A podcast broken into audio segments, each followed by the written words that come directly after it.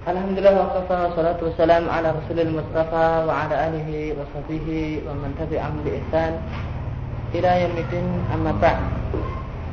Faqala hablul ta'ala dan Allah Subhanahu wa taala berfirman wala takunu kalladzina tafarraqu Janganlah kalian seperti menjadi seperti orang-orang yang berpecah belah wakhtalafu dan berselisih Min ba'di ma ja'ahumul bayinat setelah datang kepada mereka bukti. Wa ulaika adabun azim untuk mereka siksaan yang besar. Inilah larangan untuk kita. Kita dilarang menjadi semisal orang-orang ya, yaitu menjadi orang-orang yang berpecah belah dalam agama dan berselisih. Dan perpecahan dan perbedaan ini terjadi bukan karena kebodohan, namun karena hawa nafsu. Karena Allah katakan perpecahan itu terjadi setelah mimba dima ja'atumul bayinah. Setelah datang kepada mereka bukti yang nyata. Artinya perpecahan dan perselisihan itu karena hawa nafsu, bukan karena kebodohan. Artinya mereka orang-orang jahiliyah orang-orang musyrikin mereka meninggalkan al-bayinat bukti yang nyata dan mengikuti hawa nafsu. Inilah hawa nafsu inilah yang mendorong mereka untuk berpecah belah. Wal hawa yaitu hawa nafsu. Mereka jadikan hawa nafsu mereka sebagai sesembahan selain Allah Azza wa Artinya mereka taati Padahal Allah Subhanahu wa taala Allah Jalla wa ala tidaklah meninggalkan satupun alasan bagi manusia untuk berbuat maksiat. Ya, Allah tidaklah membiarkan ada satu, manusia ini punya alasan satupun untuk bisa berbuat maksiat. Caranya Allah utus para rasul dan Allah turunkan berbagai kitab. Jika orang tidak punya alasan di hadapan Allah, ya Allah, saya berbuat maksiat karena tidak tahu saya berbuat bid'ah karena tidak tahu, saya berbuat syirik karena nggak tahu.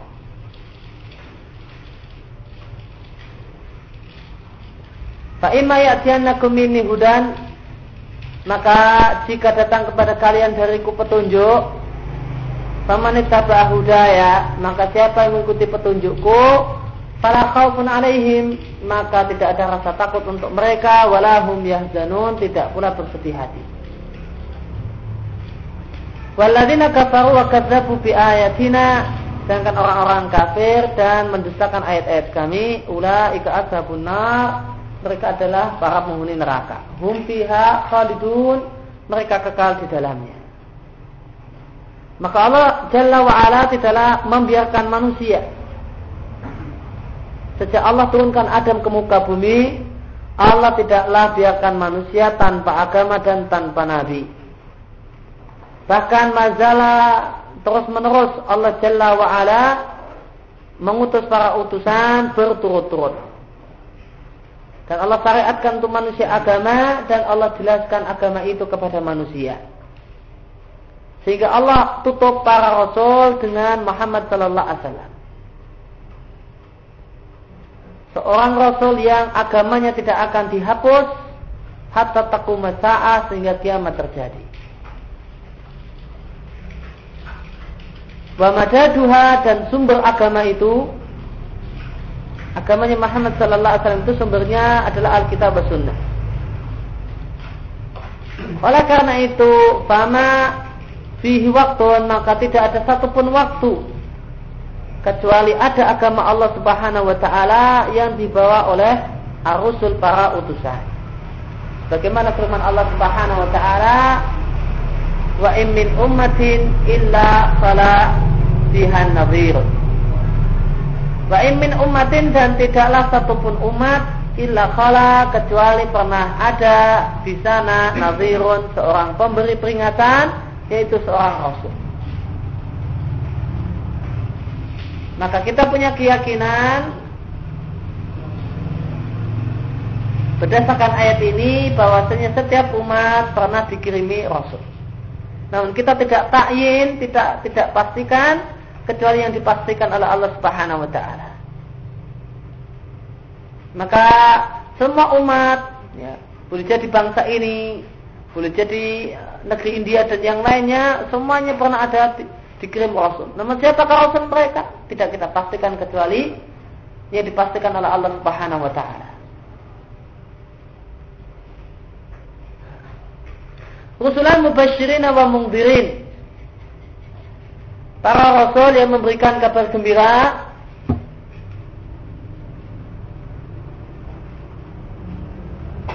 wa mungdirin dan memberikan kabar ancaman.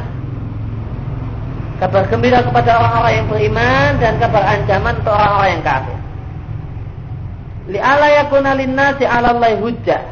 Supaya orang tidak memiliki hujah alasan di hadapan Allah Subhanahu wa taala.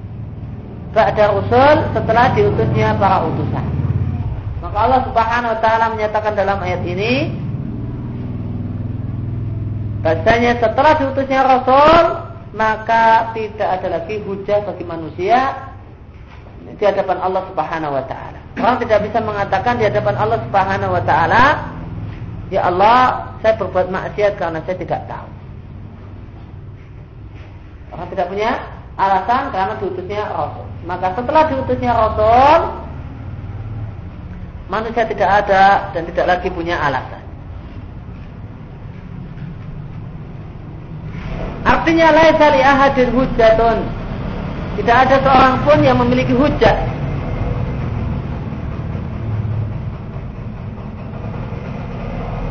Apa hujah manusia?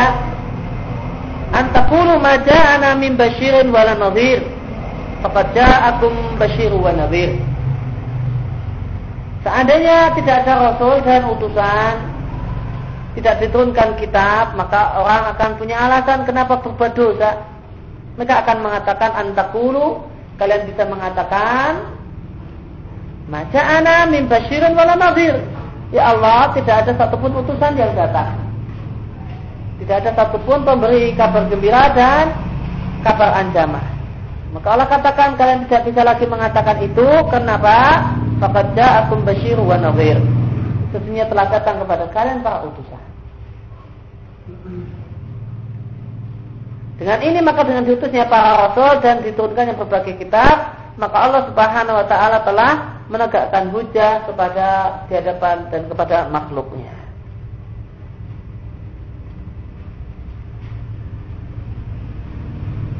Maka ayat ini menunjukkan bahwa saya manusia itu punya hujah sebelum diutusnya Rasul. Dan ayat ini menunjukkan bahwasanya manusia tidak punya hujah di hadapan Allah setelah diutusnya Rasul.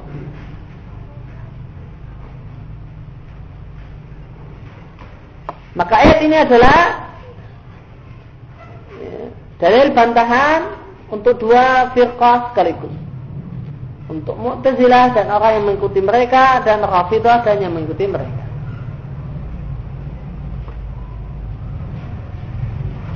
Rafidah mengatakan, orang Syiah Rafidah mengatakan, setelah diutusnya Rasul terakhir sekalipun, hujah itu belum tegak. Harus supaya hujah itu tegak, harus ada imam-imam dan imam-imam itu maksum dari dosa. Supaya dia bisa menegakkan hujah atas manusia. Akhirnya eh, mereka mengatakan dengan diutusnya Rasul hujah belum tegak, maka harus ada orang yang membimbing manusia, itulah iman, dan supaya orang ini bisa membimbing manusia, maka dia harus maksum dari dosa. Maka mereka punya akidah, punya keyakinan, ismatul a'imah. Maksumnya para imam, ya, imam-imam mereka, mereka katakan maksum terbebas dari dosa.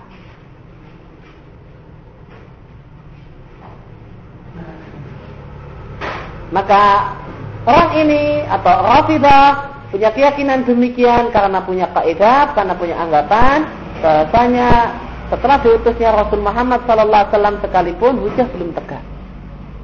Untuk tegak harus ada imam dan supaya imam itu bisa menegakkan hujah dia harus bersih nihil dari dosa. Maka mereka meyakini imam mereka yang 12 dan mereka yakini sebagai manusia-manusia suci tanpa dosa. Bahkan lebih parah lagi mereka berikan padanya sifat-sifat ketuhanan. Mereka katakan bahwa imam-imam mereka ini mengetahui hal yang gaib dan berbagai akidah kekufuran yang lain. Mereka katakan para imam mereka ini mengetahui kapankah mereka mati. Dan mereka tidaklah mati setelah mereka rela untuk mati. Di sisi lain, ini adalah ayat ini bantahan ayat yang mengatakan di Allah yakuna linasi 'ala Allah hujjatun ba'da rusul adalah bantahan untuk Mu'tazilah.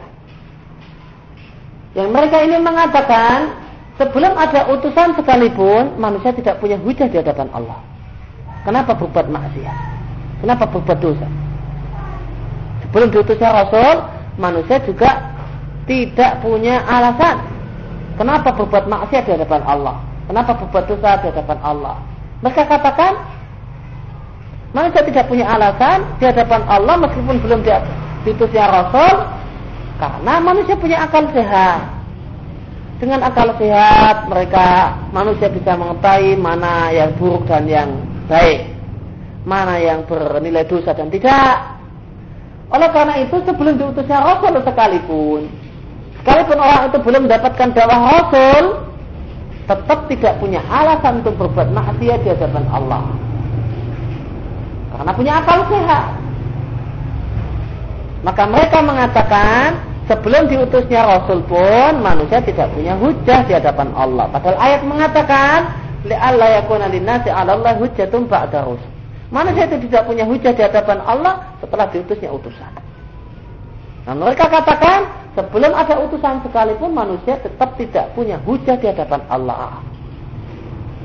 Hal ini karena mereka memiliki akidah, memiliki keyakinan bahasanya at-tahsin wa takbih itu min minal akli. Bahasanya mak, nilai baik dan buruk itu sumbernya adalah akal. Sesuatu ini baik dan sesuatu ini buruk itu adalah akal.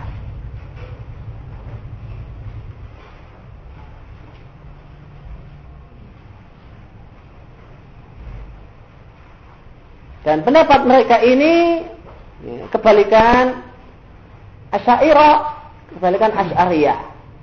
Kalau Asy'ariyah at-tahsin wa taqbih min syariah. Kalau Asy'ariyah nilai baik dan buruk satu perbuatan itu hanya berdasarkan hukum wahyu. Akal mereka menafikan nilai baik buruk yang bersumber dari akal.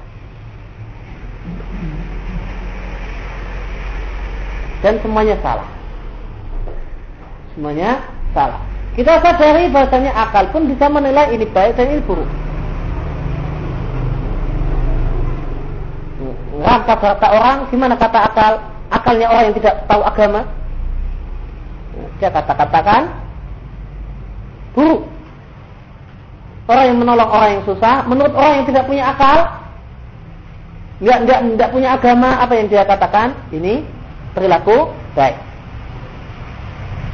Maka yang benar, bagaimana keyakinan ahli sunnah, bahasanya nilai baik dan buruk satu perbuatan itu berasal dari akal dan wahyu. Meskipun akal itu tidak bisa ya, berdiri sendiri untuk menentukan baik dan buruk.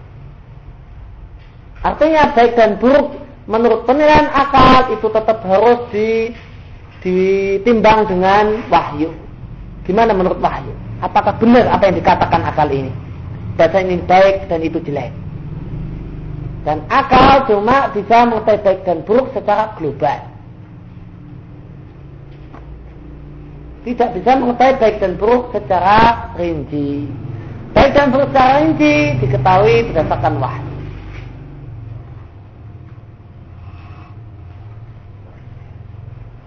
Maka ayat di Allah yakuna linnasi 'ala hujjatun ba'da rasul adalah bantahan untuk akidah Rafidah dan bantahan untuk akidah Mu'tazilah.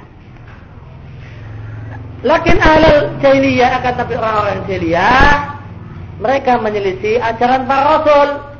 La anjalin bukan karena tidak tahu, namun karena inad, namun karena menentang. karena membangkang dan karena mengikuti hawa nafsu. Khususan lebih-lebih Yahudi dan Nasrani. Mereka menentang wahyu padahal mereka ala ilmin tahu hal itu. Oleh karena itu Allah Subhanahu wa taala menyebut Yahudi dan Nasrani dengan ahlal kitab. Perhatikan, camkan baik-baik mimba bil aibi alaihim. Mimbabil aibi alaihi.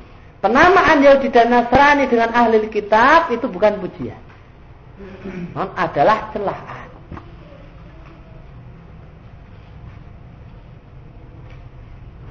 Namun celaan. Memang kalau dilihat dohirnya dan makna bahasanya, ahli kitab itu pujian. Kan ahli kitab mana ahli kitab adalah ahli ilmi. Orang yang punya kitab wahyu dan mempelajari dan mengetahui isi kitab wahyu maka mereka adalah ahlul ilmi. Akan tetapi yang dimaksudkan oleh Allah dan Rasulnya dengan sebutan ahli kitab untuk Yahudi dan Nasrani adalah mimba bil aib untuk mencela.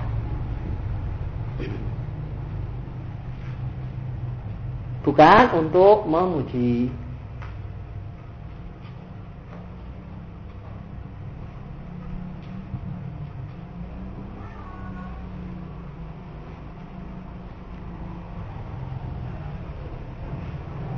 Yaitu di mana titik celaannya mereka itu adalah ahlul kitab, maknanya ahlu ilmin.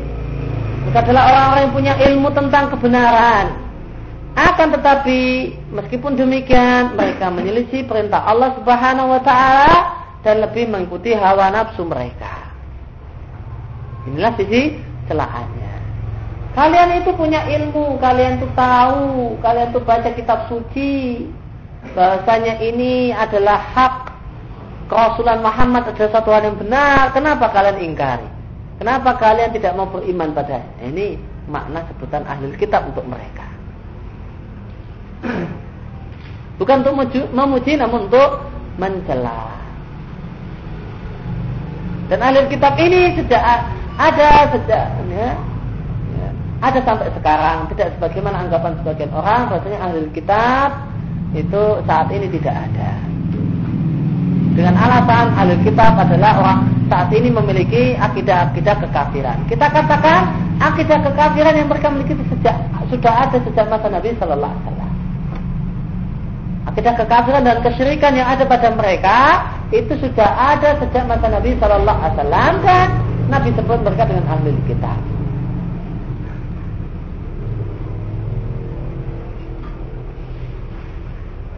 Maka mereka disebut, mereka disebut ahli kitab bukan karena orang yang beriman, namun mereka itu kafir dalam keadaan punya ilmu.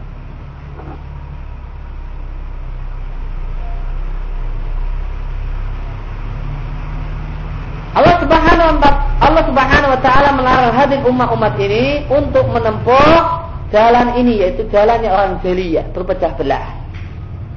Allah perintahkan mereka untuk berpegang teguh dengan agama yang Allah turunkan pada Rasulullah Sallallahu Alaihi Wasallam.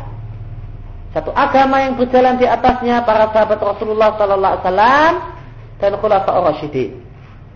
Inilah agama yaitu apa yang dibawa oleh Rasul dan diikuti oleh para sahabat. Inilah agama yang yajib wajib umat ini berpegang teguh dengannya ila antakumah saat sampai kiamat terjadi. Waidak salafu dan jika mereka berselisih tentang sesuatu berkaitan dengan agama, hendaknya mereka kembalikan pada Alkitab dan As-Sunnah. Bagaimana firman Allah Subhanahu wa taala, "Fa in tanaza'tum jika kalian berselisih tentang sesuatu." Di sini syai'in isim nakira didahului in syarat. Dan isim nakira jika didahului syarat maka yufidul umum memberikan makna umum. Artinya, maka jika kalian berselisih dalam apa masalah apa pun, baik kecil ataupun besar, ataupun sedang-sedang, semuanya kecil besar ya, atau tidak kecil dan tidak besar, namun kalian berselisih dan ini berkaitan dengan agama, farudduhu ilallah wa rasul. Kembalikanlah pada Allah itu pada Al-Quran dan kembalikanlah pada Rasul dengan bertanya kepada Rasul ketika Rasul hidup dan kembali kepada sunnah Nabi SAW setelah Rasul wafat. Jika kalian benar-benar beriman kepada Allah dan hari akhir. Artinya jika tidak berselisih maka tidak perlu dikembalikan pada Alkitab dan As-Sunnah. Kapan diperintahkan untuk kembali pada Alkitab dan As-Sunnah ketika terjadi perselisihan. Maka ayat ini dalil para ulama yang mengatakan bahwa ijma umat adalah hujah. Ijma adalah dalil. Kesepakatan ulama adalah hujah. Kenapa? Karena Allah perintahkan untuk kembali pada Quran dan Sunnah ketika berselisih. Ketika tidak ada perselisihan yaitu ijma, yaitu konsensus, maka yang tinggal diamalkan. Maka tinggal terus diamalkan. Wal ikhtilaf min tabiatil. Ikhtilaf itu adalah karakter asli manusia. Akan tapi Allah Subhanahu wa taala ahalana memintakan memerintahkan kita mengembalikan kita memerintahkan kita untuk kembali kepada kitab wa sunnah kita salahnya jika kita berselisih.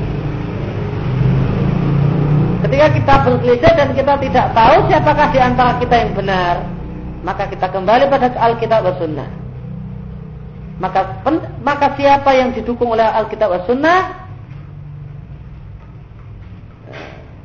yang menunjukkan kalau dia adalah benar maka kita ambil. Namun apa yang ditunjukkan oleh Alkitab dan Sunnah bahasanya dia itu tidak benar maka kita tinggalkan dia dan pendapatnya.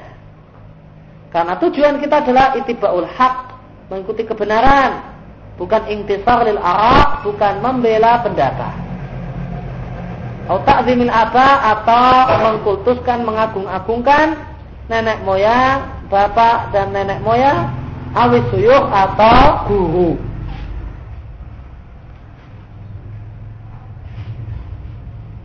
Ya, tujuan kita dan mengikuti kebenaran, bukan mengagungkan nenek moyang, bukan mengagungkan pendapat dan bukan mengagungkan guru. Jika guru kita salah, dulu dia berjasa kepada kita, mengajari kita yang hak namun dalam masalah ini dia salah, maka kita katakan salah. Kecintaan kita kepada guru tersebut tidak boleh menghalangi kita untuk meyakini bahasanya pendapatnya adalah salah jika memang salah. Ini bukanlah sya'nul muslimin, ini bukanlah sifat kaum muslimin. Karena prinsip seorang muslim al-haqqu wa dhalatul mu'min. Kebenaran adalah barang hilang milik orang-orang yang beriman. Maka di mana saja dia mendapatkan kebenaran tersebut, maka dia akan mengambilnya meskipun kebenaran itu muncul dari mulut iblis sekalipun. Ya, ketika ketika kebenaran itu datang pada kita meskipun muncul dari mulut iblis dan kita tahu ini adalah benar, maka kita akan menerimanya. Bagaimana dalam uh, hadis tentang keutamaan ayat kursi. Ketika iblis mengajari Abu Hurairah tentang keutamaan ayat kursi yang bisa menjaga seseorang tidak dibaca sampai pagi tiba. Sejak malam ketika malam hari dibaca sampai pagi tiba, maka Nabi Shallallahu Alaihi Wasallam katakan sodakoka wa huwa kadzubun. Dia adalah iblis dan apa yang dia katakan benar. Maka meskipun kita itu benci kepada iblis, ketika dia mengatakan benar tidak kita katakan salah. Meskipun kita benci sama iblis, ketika iblis ini mengatakan benar, kita katakan dia benar.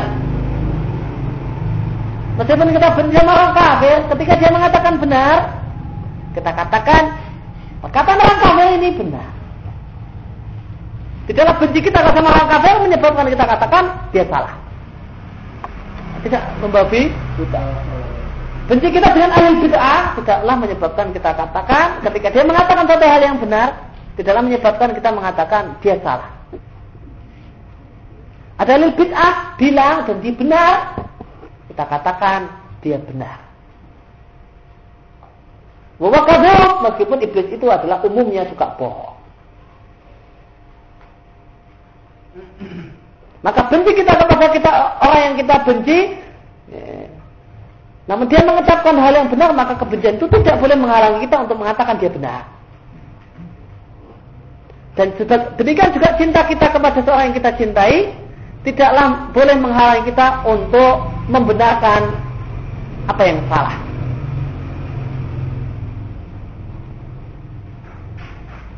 Karena itibar adalah Quran dan Sunnah. Karena yang jadi tolak ukur adalah Alkitab dan Sunnah. Bukan bulan dan bulan. Ketika kita dapatkan Syekhul Islam salah dan satu masalah menyelisih Quran dan Sunnah dalam pandangan kita, maka kita katakan beliau salah. Rahimullah Ta'ala. Maka kecintaan kita kepada beliau tidak menghalangi kita untuk uh, mengatakan beliau salah. Tidak boleh menyebabkan kita membenarkan pendapat beliau yang keliru. Bagaimana benci kita dengan orang kafir, dengan iblis, dengan ahli bid'ah, ketika dia mengatakan satu hal yang benar, tidaklah boleh menyebabkan kita katakan dia salah. Dan dia katakan benar dan kita tahu yakin ini benar berdasarkan hujah dan ilmu, maka kita katakan dia ini benar. Aina wajadahu akhudahu di mana dia dapatkan al-haq maka dia akan mengambilnya karena tujuan seorang mukmin al-hadab tujuan adalah al-haq. Demikian kata Allah, "In kuntum tu'minuna billahi wal akhir." Jika kalian benar-benar beriman pada Allah dan hari akhir. Dzalika khairun kembali kalian pada kitab sunnah itu lebih baik min baqaikum ala niza daripada kalian bertahan berselisih. Wa ahsanu ta'wila dan makna ahsanu ta'wila ahsanu akibatan lebih baik, lebih bagus akibat. Dan ini adalah di antara rahmat Allah Subhanahu wa taala lana kepada kita. Yaitu Allah tetapkan, Allah langgengkan di tengah-tengah kita satu alat yang bisa menghilangkan anizak perselisihan dan menunjukkan kepada kita kebenaran, yaitu kitabnya oleh karena itu Allah berfirman, "Wa'tasimu bihablillah." Berpegang teguh kalian dan kalian berpegang teguh dengan tali Allah. Kata di sini ditafsirkan wawal Quran. Itu Al-Quran. Jami'an kalian semua. Jami'an di sini semua Al-Quran atau semua orang. Maka penjelasannya ada di sini. Makna jami'an di sini laisa ba'dukum faqat bal jami'an ay jami'al khalqi umuman. Dalam kalian berpegang teguh dengan tali Allah semua semua itu kembali ke semua kalian atau semua ajaran semua tali Allah, semua ajaran Al-Qur'an. Maka di sini dijelaskan ini ya, eh, jami'an ini kembali kepada kalian, bukan kepada hablillah. Lain sepak dukum, lain sepak dukum fakot bukan sebagian kalian saja, akan tapi semua yaitu jami al khalqi, semua makhluk secara umum. Wahabil umat khususan dan umat ini yaitu umat Muhammad sallallahu alaihi wasallam secara khusus.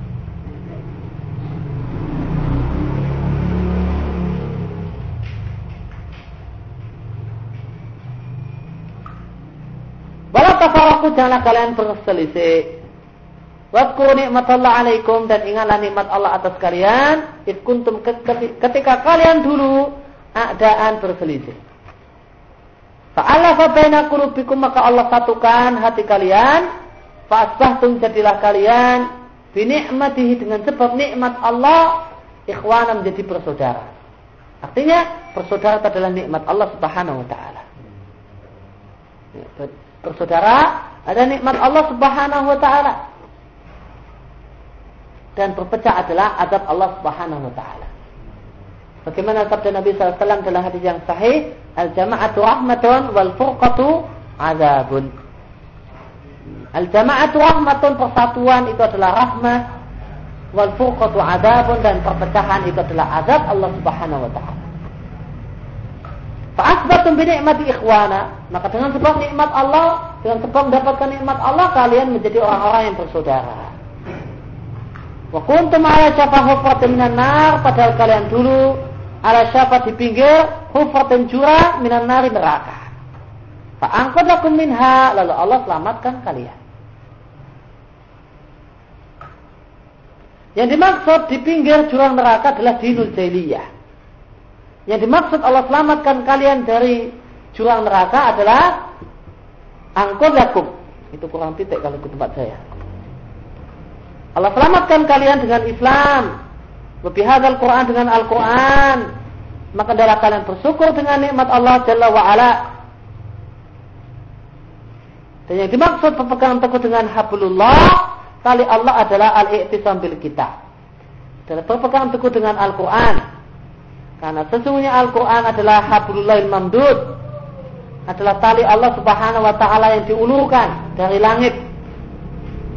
Barang siapa yang berpegang teguh dengannya maka dia akan selamat. Dan barang siapa yang menyingkir darinya halaka maka dia akan binasa. Di Makan dikatakan oleh Syekh bahwasanya ayat ini mengisyaratkan perpecahan masalah duniawi. Kita lihat di Makan dikatakan Innahum mutafariquna fi dinihim. Ini orang-orang jahiliyah itu berpecah belah dalam masalah agama. Dalilnya Ar-Rum 32. Maka dari fi dunyahum dan berpecah belah dalam urusan dunia.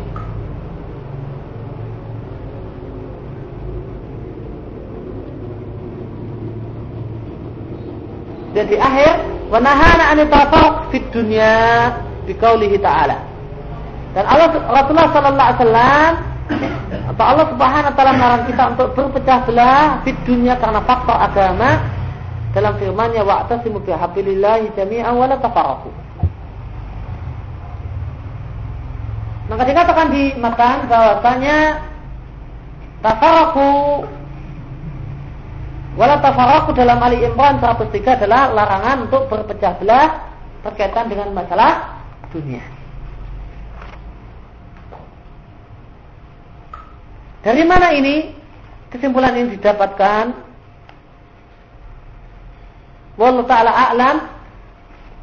Jawabannya adalah berkaitan dengan maksud ayat ini yang secara khusus ayat ini ditujukan kepada kaum Ansar. Di mana sebelum datang Islam, sebelum Islam masuk ke relung hati mereka, maka Ansar ini memiliki dua kabilah besar yaitu Aus dan Khazraj. Dan keduanya berperang dengan satu peperangan yang panjang, yang lama, yaitu peperangan yang disebut dengan perang Buat. Perangan Buat. Yang ini terjadi selama 120 tahun. Terjadi selama 120 tahun. Ini sengketa dan peperangan antara kabilah As dan Khosrat 120 tahun. Dan setelah datang Islam maka hilanglah permusuhan itu dan mereka jadi orang-orang yang bersaudara.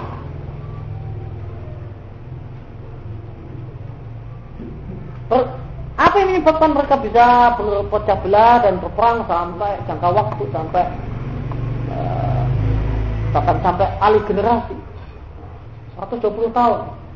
Itu kurang lebih yang berperang itu mungkin tiga atau empat generasi. Karena urusan-urusan dunia. Karena masalah tanah atau masalah yang lainnya.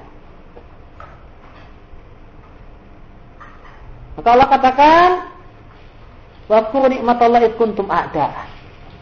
Ingatlah ketika kalian dulu bermusuhan. Fa'ala fabaina kulubikum. Maka Allah satukan hati kalian. Fa'asbahtum binikmati ikhwana. Jadilah kalian orang-orang yang bersaudara.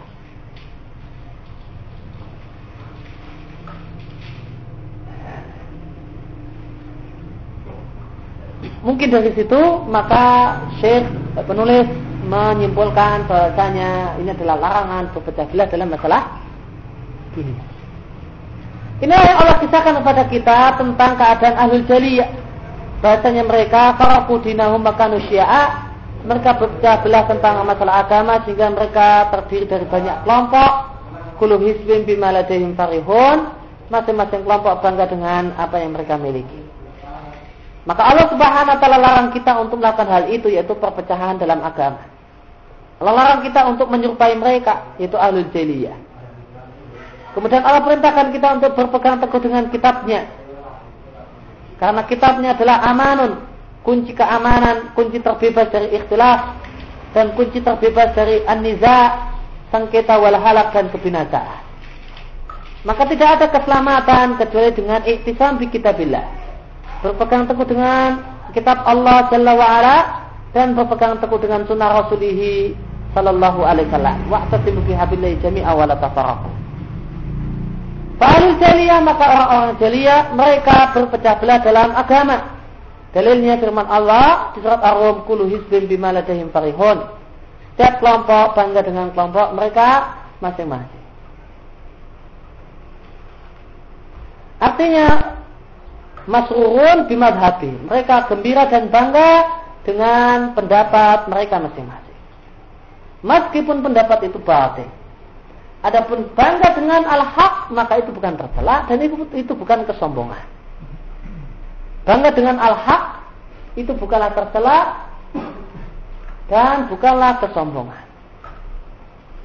Namun dia adalah al-izzah. Dia adalah al-izzah. Ya, apa beda? Ya. Apa beda antara al-kibr dan al-izzah? Antara sombong dan izzat merasa mulia. Maka jawabannya seorang itu bangga dengan kebenaran yang dia pegang teguh. Dia bangga dengan pendapatnya karena pendapatnya ini telah dia kaji dan sesuai dengan Quran dan Sunnah.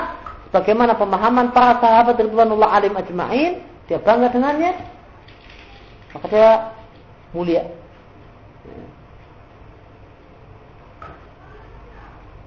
Bukan sombong.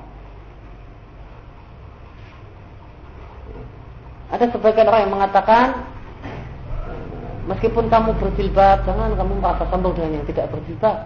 Mentang-mentang kamu berjilbab dan kamu merasa sombong eh, lebih baik daripada yang tidak berjilbab. Benarkah kalimat ini? Salah. Jawabannya salah.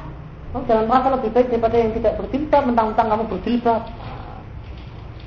Ini kalimat yang salah. Nah, kamu karena kamu berjilbab, kamu harus merasa lebih baik. Bersyukur pada Allah karena diberi taufik untuk berjilbab dan uh, dan merasa mulia dengan jilbab uh, beramal dengan jilbab yang telah Allah Subhanahu wa taala berikan kepadamu. Dan ini bukan sombong. Ini adalah izah dengan al-haq. Ini adalah izah dengan al-haq dan bukan sombong.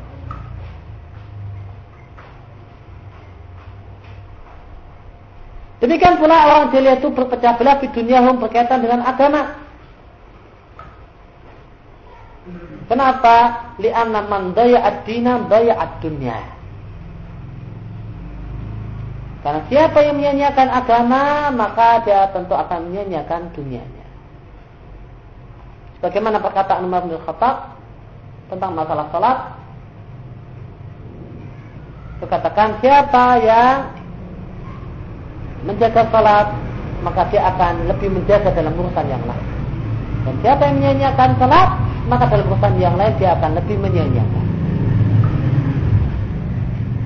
Maka mereka orang jahiliyah dalam urusan dunia juga ter, ter, terpecah belah, tidak disatukan dalam sebuah kesatuan. Bahkan setiap kabilah tahkumu nafsah binafsiha menghukumi dirinya dengan dirinya.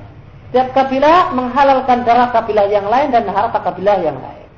Nah keadaan orang-orang Arab sebelum diutusnya Rasul Sallallahu Alaihi Wasallam. Ketika mereka menyanyiakan agama mereka, maka Allah mereka sia-siakan, maka mereka menjadi menyanyiakan dunia mereka. Jadilah al-khawf rasa takut, wal qalaku kecemasan, wal ju' dan kelaparan mulaziman satu hal yang tidak pernah terpisah dari mereka daiman selalu. Dan masa jahiliyah seluruhnya isinya bisa dikatakan cuma isinya adalah hurufun peperangan. Semuanya adalah gharatun wasaratun, serangan dan balasan. Bahkan sampai-sampai orang-orang yang bersaudara pun saling berperang di masa jahiliyah.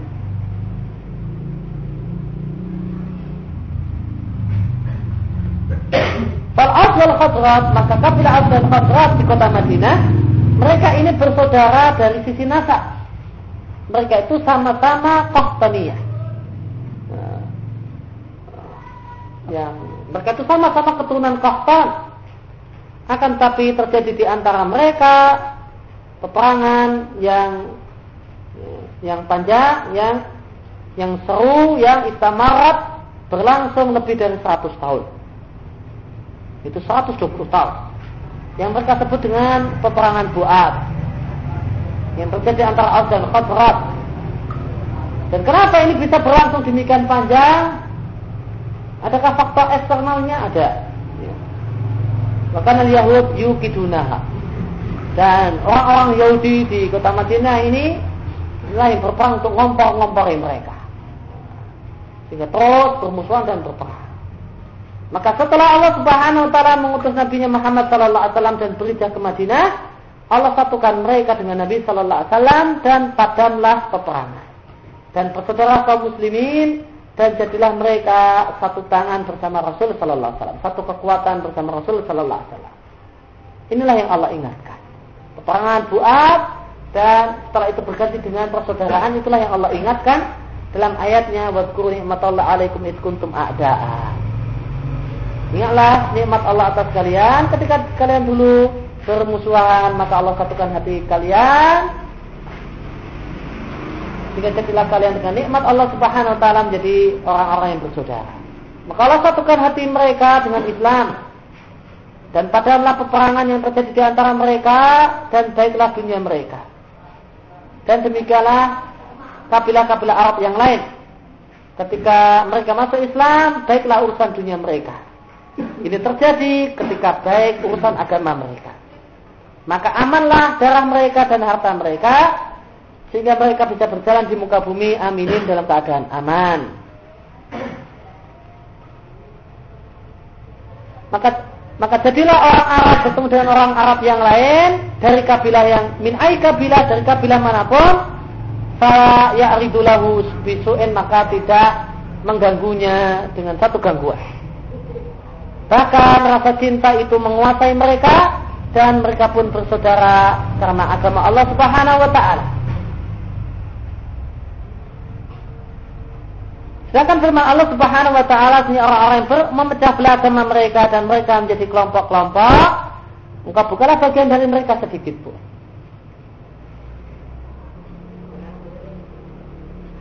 Dan termasuk kelompok adalah kelompok yang menamakan diri anti kelompok.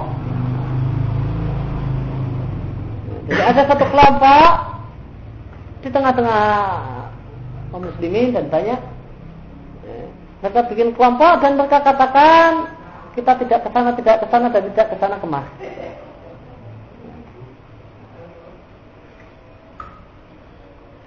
Ini namanya tidak blok barat, tidak blok timur, namun bikin blok sendiri namanya non blok. Bukan blok barat enggak, blok timur enggak, namun nah, bikin blok sendiri dikasih nama bloknya itu non blok. Maka demikian aja, ya ada di tengah-tengah kita. Ya. Mereka mengatakan kami bukan salafi, kami bukan ini, kami bukan ikhwani, kami bukan tablighi, kami ya seperti ini. Namun itu juga mereka mereka jadikan kelompok Jadilah ya, maka termasuk kelompok orang yang menamakan dirinya bukan kelompok. Ketika itu adalah jadi kelompok dan ya, dibuat sebagai kelompok. Ini adalah keterbebasan Nabi Shallallahu Alaihi Wasallam dari orang-orang yang belah agama mereka sehingga mereka terjadi jadi berkelompok-kelompok. Karena al-matlub yang diperintahkan hendaknya agama ini satu dan hendaknya manusia ini jamaah wahidah ala din satu kelompok di atas agama. Inilah yang Allah perintahkan. Maka orang seperti itu, maka Allah subhanahu, maka Rasulullah Sallallahu Alaihi Wasallam berwala kepadanya. Dan mereka dan Allah dan Rasul Sallallahu Alaihi Wasallam adalah wali mereka. Adapun orang-orang yang mencabla agama mereka dan tetap di atas perselisihan, berpakaian ala amri jahiliyah dan bertahan di atas karakter jahiliyah yaitu perpecahan, maka Rasulullah Sallallahu Alaihi Wasallam terlepas dari mereka. Ya tetap tersisa pembahasan yaitu supaya kita mengakui hakikat ikhtilaf atau khilaf. Dalam masalah fikhiyah. Maka khilaf itu terjadi dan ada saat ini pada masalah-masalah fikih. Maka apakah ini tercela maka kita katakan ikhtilaf itu ada dua macam. Ini salah akan kita bahas dalam pertemuan yang akan datang. Wassalamualaikum warahmatullahi wabarakatuh. ala alihi wasallam. Wa da'wana alhamdulillah alamin. Subhanaka wa bihamdika asyhadu la ilaha illa anta astaghfiruka wa atubu ilaik.